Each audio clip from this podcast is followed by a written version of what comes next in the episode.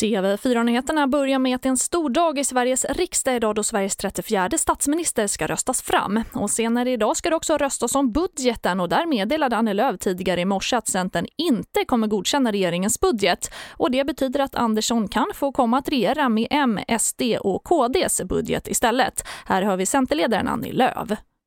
Vi bedömer att innehållet i budgeten inte är tillräckligt bra. Den saknar insatser för att bryta långtidsarbetslösheten, stärka småföretagen.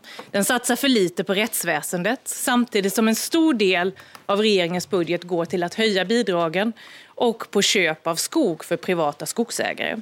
Och så här sa KD-ledaren Ebba Busch om Centerns beslut.